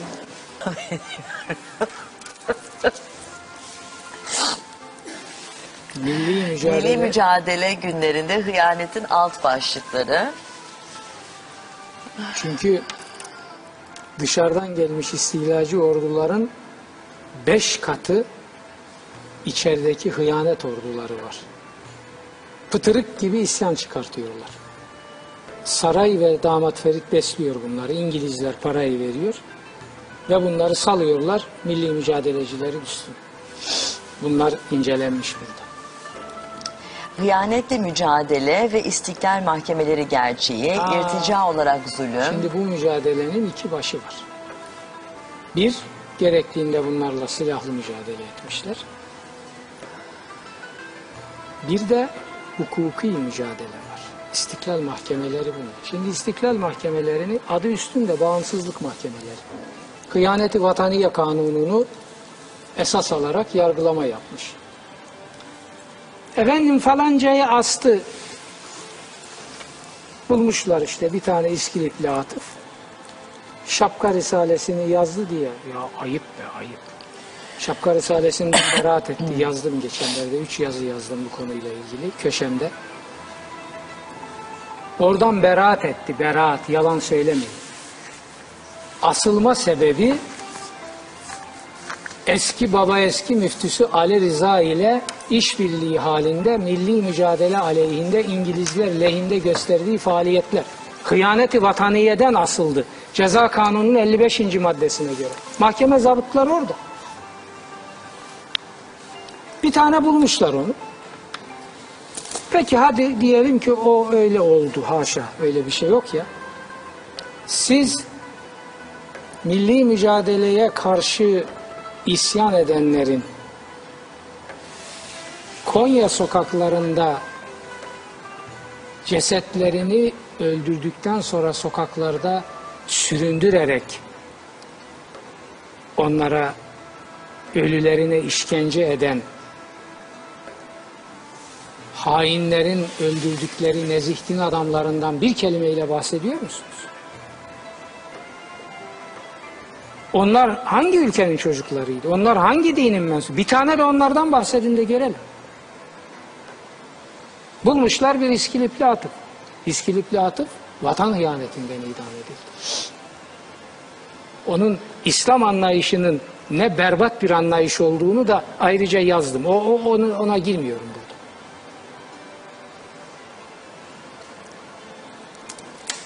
Evet. İstiklal mahkemelerinin yaptığı budur. İrtica olarak zulüm, zulme karşı isyan ve ihtilal, At- Kurtuluş Savaşı'nın isyan ve ihtilal yanı. Bir de o yanı var. En son dördüncü bölüme de geçelim hocam. Kur'an ve müdafaa hukukta ortak hedefler ve Şimdi ortak eylemler. düşman zulüm onun alt başlıkları. Bir de ortak hedefler. Allah'tan başkasına teslim olmamak, sultanların tanrıla- tanrılaştırılmasına karşı çıkış, İşte. şer ve şirk kodamanlarının bertaraf edilmesi, Ha şimdi bir Allah'a dakika. Efendim müdafaa hukuk zihniyeti, milli mücadeleciler veya kuvayi milliyeciler neyse cumhuriyetçiler şunu şunu şunu yıktılar. Peki bu yıktıkları şeylerin Kur'an açısından bir yakınına gelip bir tahlil edelim. Tevhid imanı açısından bunlar yaşatılmalı mıydı, yıkılmalı mıydı? Yıkılmalıydı, yıktılar. Allah razı olsun ki yıktılar. Evet. ne dedim ben? Ha, Al- al. Allah'a vekalet devrinin kapatılması, laiklik. İşte laiklik buradan geliyor. Şimdi iki kelime cümlede burada söyleyeyim. Laiklik ne dincilerin anlattığı gibi bir şeydir. Ne de laiklik diye bir din uydurmak isteyen bir takım eblehlerin anlattığı gibi bir şeydir. Laiklik benim anlattığım gibidir. Onu okuyacaksınız buradan. Laiklik birilerinin Allah'a vekalet yetkisi kullanmasını bertaraf eden bir zihniyettir. Bu bertaraf ediş gerçekleşmeden insanoğlunun huzur bulması mümkün değil. Batı bununla kurtuldu. İslam dünyasında bunu fark edenler var. İran'ın eski lideri bir din adamı Ayetullah neydi? İran'ın eski devlet başkanı Hatemi. Hatemi. Ayetullah deyince 30 tane isim geliyor birden ağzıma. Ayetullah Hatemi laiklikle ilgili yaptığı konuşmalar dünyanın önünde. Ben onları 4-5 yazıyla değerlendirdim. Türk basını onların üstünü örttü. İslam dünyasının bir geleceği varsa laiklikte diyor adam bunu ya İran İran İran'da da üstü örtüldü bunların. Zaten ondan sonra Hatemi de gitti. Hatemi bu yüzyılın en önemli adamlarından biri. Daha önce de söylemiştiniz hocam. Şimdi demek ki Allah'a vekaleti alıyor insanoğlunun elinde. Padişahın elinden alıyor. Sadrazamın elinden alıyor. Din sınıfının elinden alıyor. Tarikat hokkabazlarının elinden alıyor. Allah'a vekalet kullanamazsınız diyor. O iş bitmiş. Evet. Aklın özgürleştirilmesi, Ortak aklın hedeflerden özgürleştirilmesinin laiklik açısından önemi, akılcı kozmolojik algılamaya geçiş, ilmin mürşit yapılması, Bak, bak, bak, bak. İlmin mürşit yapılması. Cumhuriyetin getirdiği değerlerden biri budur. Kur'an'ın bağıra bağıra insanlığa kabul ettirmek istediği hayati değerdir İlk Müslüman nesillerde ecdadımızda bu değere hakkını verenler vardı. Onların önünde saygıyla eğiliriz. Sonra araya bin yıl gibi bir kopma dönemi girdi. Onu kıran Cumhuriyet kadroları oldu. Arkasını getiremediler maalesef. Evet. Takvanın gerçek anlamına kavuşturulması, kadının devreye sokulması, cihadın gerçek anlamına kavuşturulması, Ha, cihat. Cihat neydi? Cihat devlet maliyesi sıkıntıya girdi.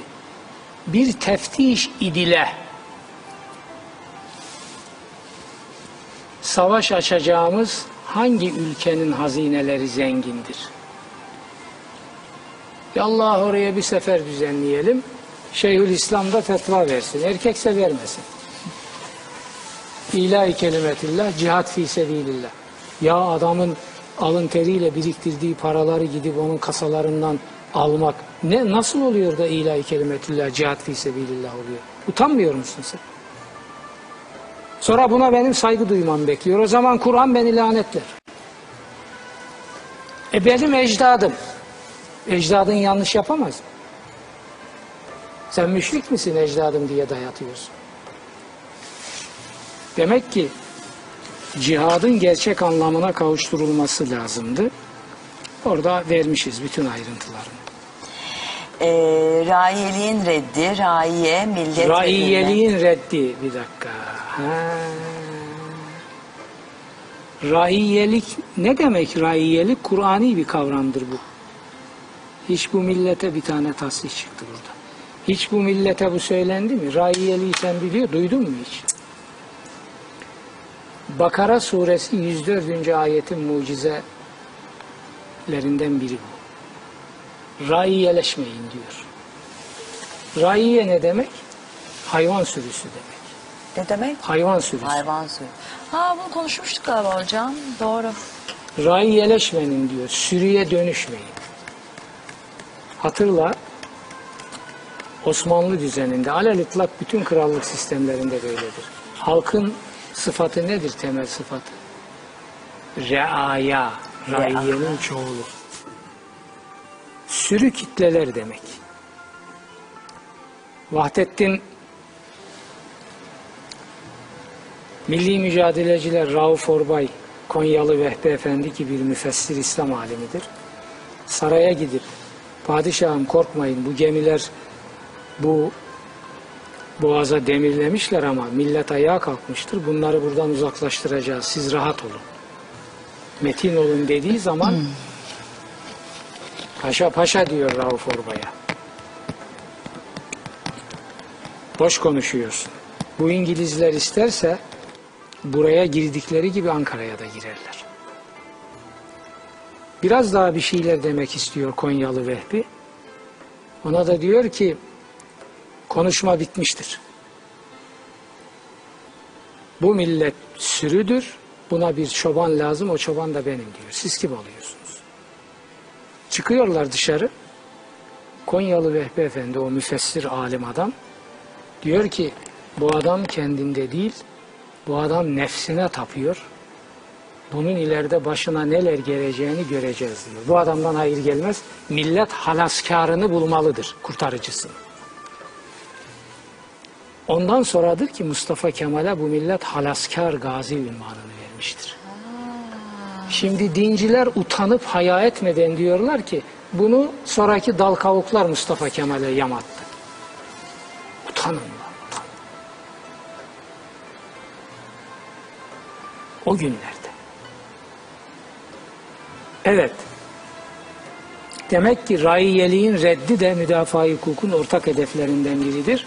Kur'an'ın ortak hedeflerinden biri olduğu gibi. Raiye, millet ve ümmet, müdafaa, Bunların ayrımları yapılmıştır. Evet. müdafaa hukukun vatan ve milleti, Hah. ken, Şimdi müdafaa hukukun bir vatan telakkisi var, bir millet telakkisi var. Bu telakki ne bugün milliyetçilik tamtamları çalanların anladığı gibi bir şeydir, ne de bölücülük tamtamları çalanların anladığı gibi bir şeydir. Nasıl bir şeydir? Burada tahlili yapılmıştır. Okusun millet. Evet. müdafaa hukukun vatan ve milleti, kendi kaderine sahip olmak, Şimdi bir dakika. Vatan ve milleti. Kendi kaderine sahip olmak da Kur'an'ın ve müdafaa hukukun ortak hedeflerinden biridir. Yat birine havale et. Yat tevekkül diye Allah'a havale et. Yok böyle bir şey. Evet. kişilerin egemenliğinden ilkelerin egemenliğine geçiş, Bunu Kur'an getirmiştir insanlığa. Ve müdafaa hukuk bunun icaplarını yapmıştır. Cumhuriyet kişiler egemenliğinden ilkeler egemenliğine geçişi getirdiği için kişilere tapmayı din zannedenler rahatsız olmuşlardır. Bunların burada Kur'an penceresinden tahlilleri yapılmıştır. hakimiyet kavramının gerçek anlamına kavuşturulması, Hmm, din sınıfının yıkılması, din kısvesinin yırtılması, kisvesinin kisvesinin, yırtılması. Bunlar İslam'ın istemediği şeylerdi. Cumhuriyet devrimleri bunları gerçekleştirdi. Evet. Allah'a kulluğun aracılardan kurtarılması, Hadi bakalım. Hadi bakalım. Şu Allah için, şu peygamber için, şu da Efendi Hazretleri için, bu da emperyalist işgalciler için geriye ne kalıyor? Geriye bir şey kalmıyor. Uşaklık kalıyor. Bunu yıktı müdafaa hukuk zihniyeti. Dedi ki, dedi ki, Allah'a kulluğun aracılardan kurtarılması lazım. Haraç ve huruç çeteleri devre dışı bırakılacak.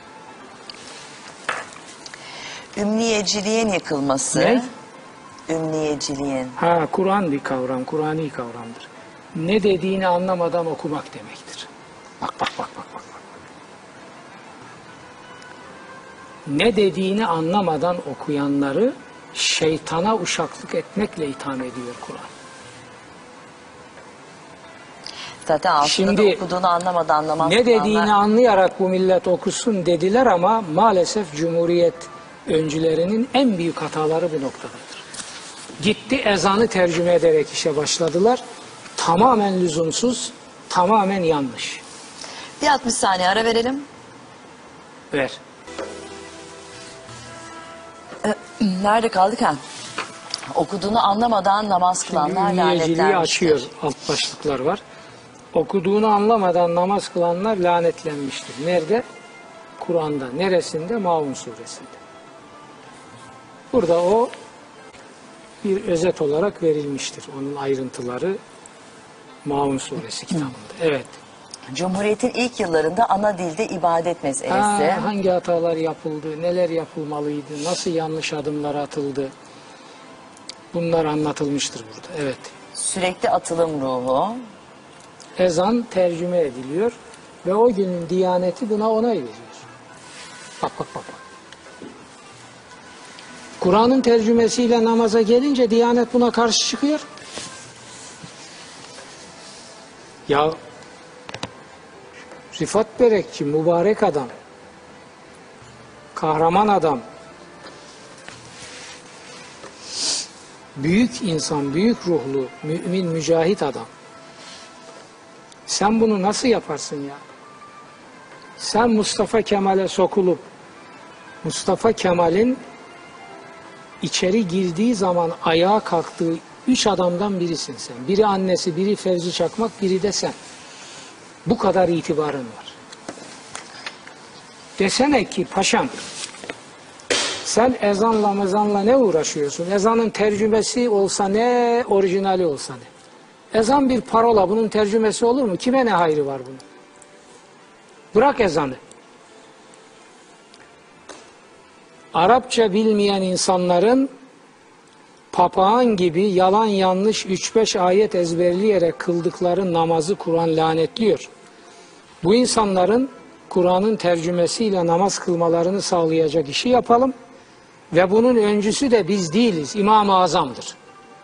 İmam-ı Azam'dan bahis yok. 1300 sene önce bu işi çözmüş bir insandan bahis yok. Ülkenin mezhebinin kurucusu. Ve Diyanet yanlışa onay veriyor, doğru olanı engelliyor. Mustafa Kemal de bu işi tabii ki bu kadar inceliğiyle bilen bir insan değil. Orada burada maalesef siyasi bir hata yapıyor. Ve bu kadar muazzam ve muhteşem bir hareket ki İkbal bunu destekliyor. İkbal'e ait bölümde bunu göreceksiniz. Destekliyor. Ziya Gökalp'i devreye koyarak uzun uzun anlatıyor bunu. Ve bu yapılamıyor. Bu yapılamadığı gibi dincilerin ağzına da bir sakız veriliyor. Hala çiğniyorlar. Öyle yazanı Türkçeleştirdiler. Bulmuş ya bir şey. Bulmuş ya. Kıyamete kadar o sakızı çiğneyecek. O sakızı o sakızı bir ufunet unsuruna dönüştürüyor. Onu onun ağzından alması lazımdı Cumhuriyet aydınlarının. Yok işte bu, burada biz bir icabını yaptık inşallah. Hedefine varır. Evet. Olabildiğince güçlenmek. Ha. Bu da Kur'an'dan alınmış bir tabirdir. Mustafa Kemal'in ve müdafaa hukukun hayati kabullerinden biridir. Kur'an ne diyor? Ve e'iddu lehum mestada'tum min kuvvete. Gücünüz yettiğince düşmanlarınıza karşı kuvvet hazırlayın. Müdafaa hukukta bu zihniyet iliklerine kadar hakimdir. Göreceğiz nasıl bu işi anlamışlar. Aynen Kur'an'ın verdiği gibi. Hayati kuvvet anlamında Türk Hah, ordusu. Şimdi kuvvete geldiğiniz zaman bu manada kuvvet her memleket için silahlı güçlerdir. Türkiye gibi bir coğrafya için bir numarada silahlı kuvvetlerdir. Silahlı kuvvetlerini Türkiye'nin yok ettiniz mi? Türkiye. Her memleket için böyle ama Türkiye için özellikle. Batı bunu bildiği için bakın Kurtuluş Savaşı'nda kendisine nal toplatan bu orduyu mahvetmek ve etkisiz kılmak için 20 tırnağıyla çalışıyor. Bunu görmemek bu milletin çocuklarına yakışmaz. Ben bir Türk aydını olarak bunu görmezsem kendi zekamın küçümsendiğini, ahmak yerine konduğunu düşünürüm. Ben bunu görüyorum.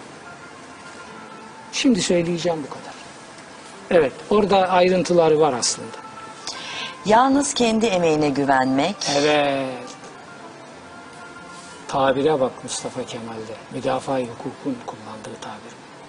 Kendi yağımızla kavrulacağız. Dışarı borçlanamayız. Şimdi 600 milyar dolar borç altında Türkiye. Her sokakta bir banka. Açın reklamları izleyin.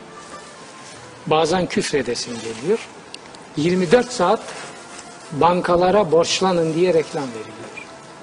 Ya bu bankalar bu milletin çocuklarına para dağıtmak için, Allah rızası için bir gayret içinde midirler?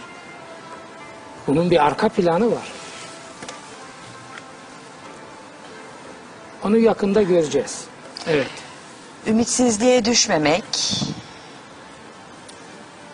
Batılı Amerikalı gazeteci soruyor Mustafa Kemal'e. Burada göreceksiniz. Müdafaa hukukun başbuğuna. Bil farz diyor. Farz-ı muhal. Bu girdiğiniz mücadelede başarılı olamadınız. O zaman ne yapacaksınız falan. E o zaman şöyle yaparız böyle. Yok efendim. Öyle geveleme, öyle yavşaklık yok. Diyor ki bir millet giriştiği bağımsızlık mücadelesinin daha başında eğer başaramazsak diye bir tabir kullanırsa başaramaz. Böyle bir şey yok diyor. Biz başaracağız. Ayrıntıları burada. Evet.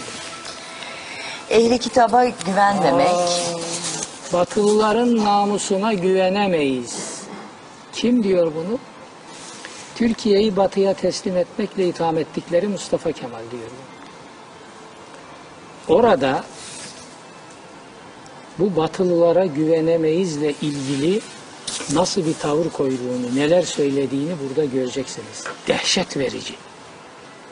Ve Kur'an'ın bu konuda neler dediğini göreceksiniz. Müdafaa hukukun yaptığıyla Kur'an'ın dediği tam örtüşüyor. Ehli kitaba güvenmemek. Yani Haçlı Siyon odaklara güvenmemek. Yani bugün yapılanın tam tersi. Evet. İmandan imkan yaratmak, Aman aman aman aman aman aman. O gün iman vardı imkan yoktu. İmkanı o iman yarattı. Bugün imkan var iman yok. İmkan iman yaratmıyor Sabah Hanım. Doğru. Varlığın kanunu ama iman imkan yaratıyor. Evet ya. Onun için ben diyorum ki bugün fabrika bahçelerine özel helikopterlerin inip kalktığı Türkiye Kurtuluş Savaşı'na ön gelen günlerden daha netameli bir ortam içindedir. Çünkü iman yok. Son ve de kitabın özeti. değil kesmişiz. Ben başka ne yapabilirim? Bir fani başka ne yapabilir? Hocam, Yapılmayan bir işi yaptık. Teşekkür Bunu da ederiz böyle önüne yapılmayan bir işi yaptığınız için. Helal hoş olsun millete. Ben tarihin önünde görevimi yapıyorum. Aynen. Millet de umarım takdir eder ve faydalanır. Takdir edip de benim heykelimi dikecek değil. Ben onları beklemiyorum. İstiyorsunuz ki faydalansınlar tabii ki. Tekrar gösteriyoruz. Hocamızın yeni kitabı bugün raflarda yerini aldı. Diyoruz ve soru cevaplara geçiyoruz hocam. İzmir'den Murat Felek sormuş. Padişahların taht için çocuklarını öldürmeleri günah mıdır? Zulüm. Katmerli zulüm. Evet. Hakan, Sadece çocuklarını öldürmediler. Kardeşlerini. Kardeşlerim öldürdü. Tabii. Hakan Yamak Silivri'den sormuş. Kuantuma inananlar kendilerini Tanrı gibi görmüyorlar mı? Bilmiyorum. Kuantumu bilmiyorum ki onu biliyorum. Zaten orada başka bir şey söylenmek istiyor ama uzun bir Bilmiyorum ki onu biliyorum. Zaten orada başka bir şey söylenmek istiyor ama uzun bir tur o. Fatma Kaplan İzmir'den sormuş. İnsanlar uykudadır, ölünce uyanır. Sözü ne demek? Yani ölüm insanın bitişi değildir. Daha yukarı bir plana geçişidir. O halde gerçekleri daha açık biçimde göreceği bir zemine geçiş demektir. Tamam mı? Yani ölümden herkes korkuyor. Onun için mi her canlı bir gün ölümü tadacaktır diye deniyor? Tadacak. Ya bu bir merhale. Ama tatmak daha hani güzel bir şey manası diyorum. Tabii. Yani ölüm bitiş falan değildir. Muayyen istasyonlar var hayat içinde. Ölüm de bunlardan biridir. Ama ölümden sonrasını berbat etmiş veya orada bir güzellik olacağına inanmayan adam için ölüm tabi dehşet verici bir şey. Ölümden sonrasını berbat etmemiş ve oraya inanan bir insan için ölüm seyahate çıkmak gibi bir şeydir. Burada çok konuştuk benim ameliyat günlerimde bunları. Hani ben vasiyetimi yazdım, rulo yaptım, çocuklara verdim. Ameliyat masasından kalkarsam bunu bana iade edersiniz. Kalkmasam açarsınız. Her şey orada yazılı. Resmiyete lüzum yok. Ben çocuklarıma güveniyorum çünkü. Hepsi üniversite tahsili yapmış. Değerli, pırıl pırıl insanlar. Biz ameliyat masasından kalktık. Hastanede ilk programı yaptık. Getirdi dediler ki baba tamam al. Buna gerek kalmadı. Öyle.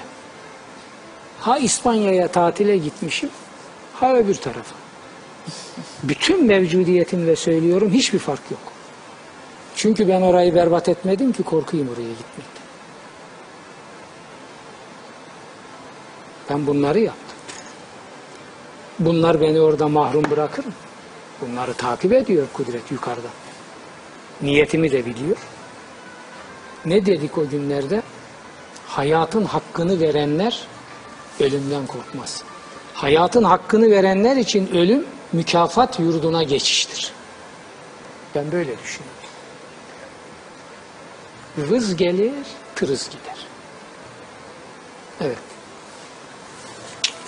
Ama daha çekeceğimiz çile yapacağımız iş varmış. Dön geri dediler. Doktorlar da ne dedi?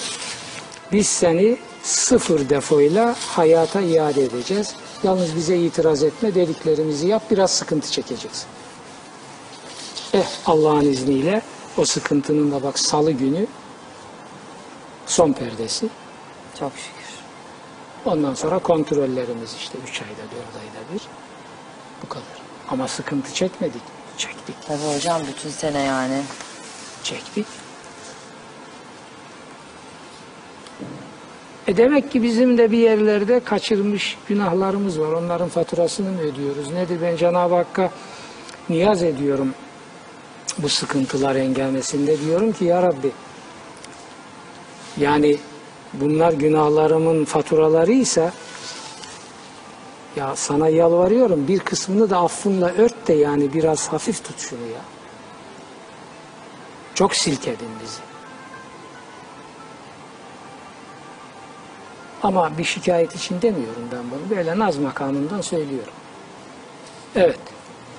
Hocam bir şey söyleyeyim hani sezonun başından beri gerçekten hani dediğiniz işte hani ne kadar ağır şeyler de geçirdiniz, ameliyat da geçirdiniz. Bir güne bir gün hani yayını da aksatmadınız. Normal şartlar altında bu gerçi hani Onaya yaklaştı değil mi? Bir gün aksatma. bir gün aksatmadınız. Yani nezle olunca insanlar ilk yani birkaç derece ateşi çıkınca gelemezler, edemezler. Gerçekten çok takdir ed yani bana düşmez tabii ki sizi takdir etmek ama çok takdir edilecek bir şey. Yok gerçekten öyle. Sizin takdirleriniz de bana enerji olmuştur. Kolay şey değil. Yani burada benim içimin ısınmadığı biri olsa bak şimdi benim bu diş yüzünden çenelerim kilitlenmiş gibi. Yapmam ben bunu. Biliyorum. Ne bekleyeceğim ki? Ama bu hem kendinize saygı hem işinize saygı hem bütün bu e, bizi izleyen herkese olan saygınızdan zaten hani ameliyat demediniz onu Çok- demediniz çok ora- mutluyum. oradan bağlandık buradan mutluyum. bağlandık. Evet, Evet. gerçekten müthiş bir şey. Çok Müthiş bir mutluyum. disiplin yani. Çok mutluyum. Ve tabii bu benim için bir seyr-i sülük oldu aynı zamanda. Bir bir deruni eğitim ben bunu sayıyorum. Seyr-i sülük böyle bir şey. Bunu bilenler bilir. Ben o terbiyenin içinden geldim. Eğer yeni bir merhale size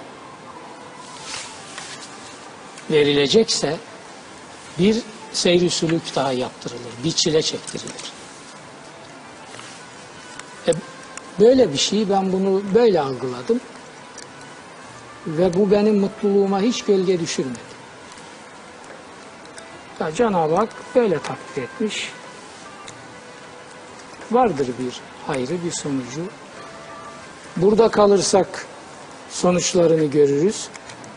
Cenab-ı Hak takdir etmiş öbür tarafa gidersek orada mükafatını görürüz. Yani her halde şikayete gerek yok. gerekiyor. Hocam şimdi eee, Türkçe Olimpiyatları Kültür Şöleni biliyorsunuz İstanbul Fuar Merkezi'nde Yeşilköy'de başladı. Geçen hafta iki gün önce miydi, üç gün önceydi galiba. Oradaki yarışmalara katı, olimpiyatlara katılacak eee, o şarkılar, şiir- şiirler okuyacak çocuklarımız geldiler. Burada çok güzel şarkı söylediler. Fakat bir tanesi var ki o şimdi gelecek, onu bugün eee, geliyor. Kendisi Ahmet Kaya taklidi yapıyormuş Ha. ve gerçekten de şeyde Enteresan. e, internette inanılmaz bir derecede e, tıklanmış kendisi seyredilmiş ve hemen şöyle güzel bir e, şarkı dinleyelim onu çağıralım ve kim